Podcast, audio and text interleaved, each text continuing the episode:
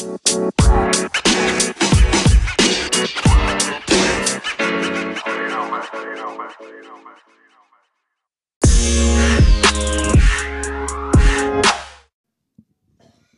morning. Uh, Pragyan and I are very happy to be here to speak with all of you.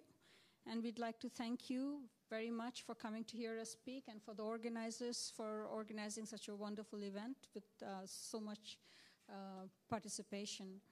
Um, we have a number of slides to get through, so if you don't mind holding off your questions until the end, we'd really appreciate it. Uh, next slide. Our presentation will cover the global and regional outlook, uh, forecasts for the region as well as certain countries, and uh, it will discuss the risk to the outlook as well as policies to support medium-term uh, growth and growth in the short term. And we will also take this opportunity to highlight some of the key conclusions from one of our two thematic studies this year on how Asian economies have managed capital flows. Turning now to the global environment, we move to the next slide. As you can see from the figures on the left, we are marking down the forecast for global growth to 3% in 2019. This is the slowest the world economy has grown since the global financial crisis. And this slowdown is synchronized across both emerging markets and advanced economies. The main concern is one of a prolonged period of policy uncertainty stemming from trade tensions between China and the US, which we expect was going to last for a long time despite some progress in uh, talks more recently. And we expect this uncertainty to last for a long time, in part because it is complicated. The trade negotiations are complicated with concerns about technology and national security, human rights, and many other issues. All of this is likely to lead to delays and uncertainty over a long time. It could also lead to a realignment in complex global supply chains and Asia is a very important part of the global supply chains. And this, in turn, could lead to a decline in confidence and investment in the region. So, this is one of the most important uh, factors weighing on the global outlook. And other geopolitical factors are also contributing to this. For example, there's um, uncertainty stemming from Brexit, uh, geopolitical tensions between Japan and Korea, as well as unrest in Hong Kong. There's a long list of geopolitical events. Next slide. Asia has been particularly hit hard by these tensions. Manufacturing is suffering.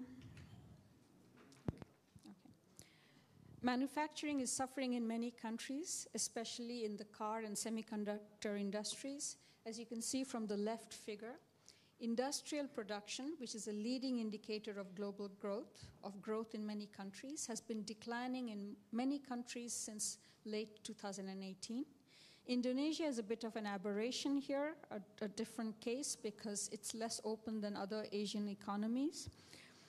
And when you look at the right figure and compare the shaded bars with the dots, you can see that compared to our forecasts, that's the bar, the investment outcomes have been much lower since um, the late 2018.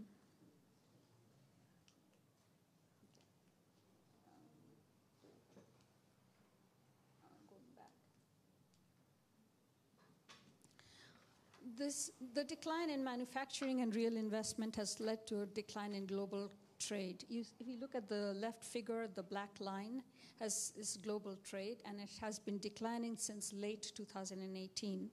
And this has hit Asia particularly hard because Asia relies a lot on trade, and it has hit China very hard. If you look at the right figure, you see that many countries in Asia, especially those are, which are export oriented, like Korea and Hong Kong, have seen big declines in trade volumes since 2018. Turning now to our outlook. In line with the decline in global growth, it won't surprise you to hear that we have also marked down the forecast for how well Asia will grow.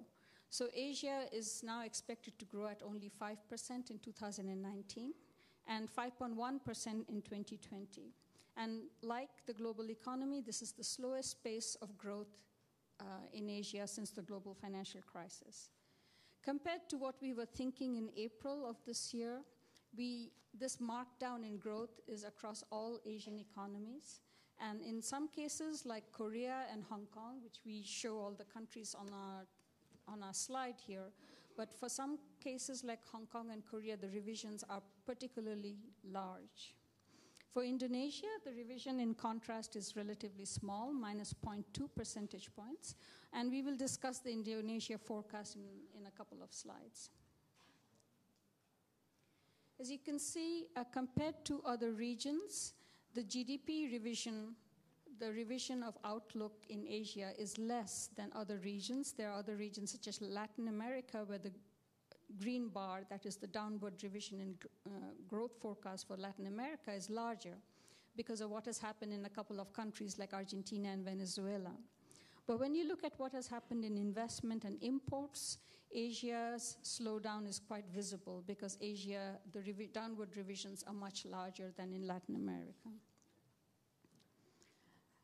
Turning to the good news, though, even though Asia is slowing down or growing at a slower pace, Asia is still going to be contributing 70% of global growth in 2019. China will contribute around 39 or 40%, India 16%, the ASEAN region about 10%, and this contrasts with 11% for the US and 12% for the, Europe, for the European region. So um, Asian growth is still propping up global growth, but the pickup in global growth in 2020 of 0.4 percentage points, the Asia's contribution is going to be less. Only about um, half of the pickup is due to Asian countries because in contrast with the ASEAN and India and other Asian countries, Japan and China are expected to grow much more slowly next year. Let me now discuss the forecast for a few specific countries. Take China. We are revising down uh, our growth forecast. China is expected to grow by 6.1% in 2019 and 5.8% in 2020. And growth has been revised down continuously due to uh, the trade tensions with the US and also because they, of regulatory tightening within China, which was very needed, uh, and that's going on, and that is also bringing growth down.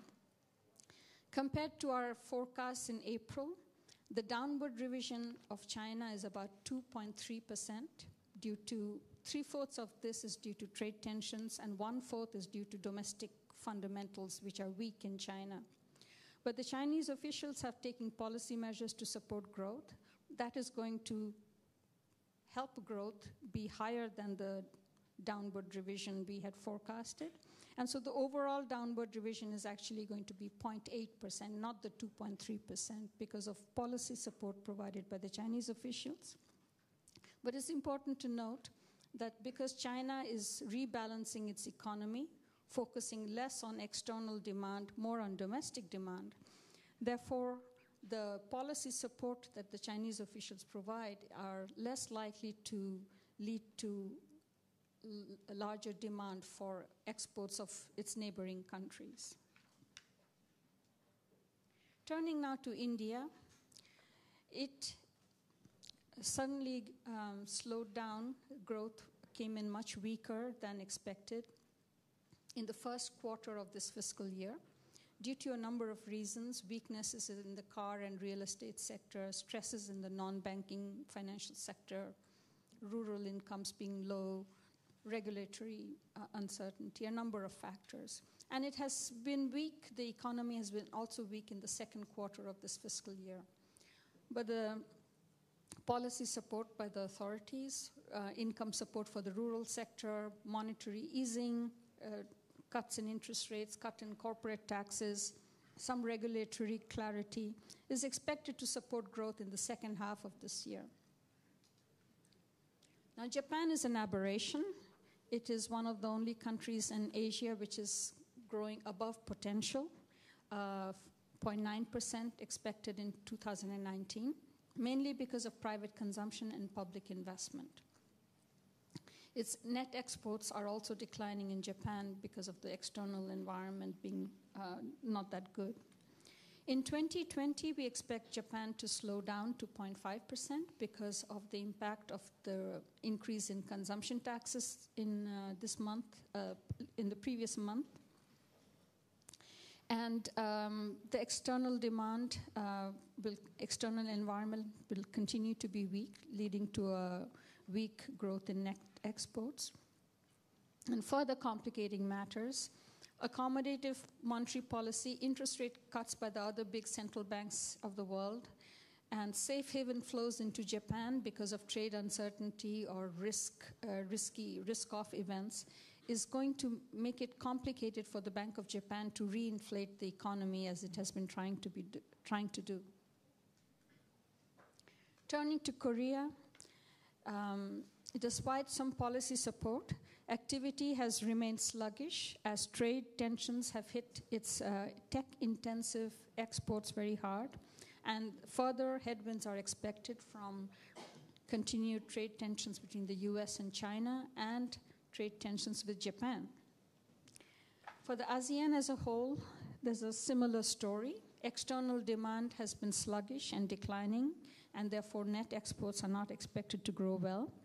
And this is for the same reasons trade policy, US poli- uh, China trade tensions. To some extent, this is counterbalanced by the fact that financial conditions or monetary policy in advanced economies have been lowered and financial conditions are supportive in the ASEAN region. But as you all know, uh, this cannot be uh, taken for granted because uh, capital flows can be volatile to this region. Turning now to Indonesia. We are marking down our growth forecast from 5.2% to 5% in 2019. And this is mainly because of uh, weak investment in 2019, uh, delays in public infrastructure projects, as well as some um, delays in private sector investment because of political uncertainties related to the elections. In 2020, we expect growth to be stable because the election related uncertainties are expected to abate and disappear. And the monetary easing that has taken place during the year, all these cuts in Bank of uh, Indonesia interest rates, will help support the economy. Let me now turn the microphone over to my friend uh, and colleague Pragyan so he can discuss the risks to the outlook.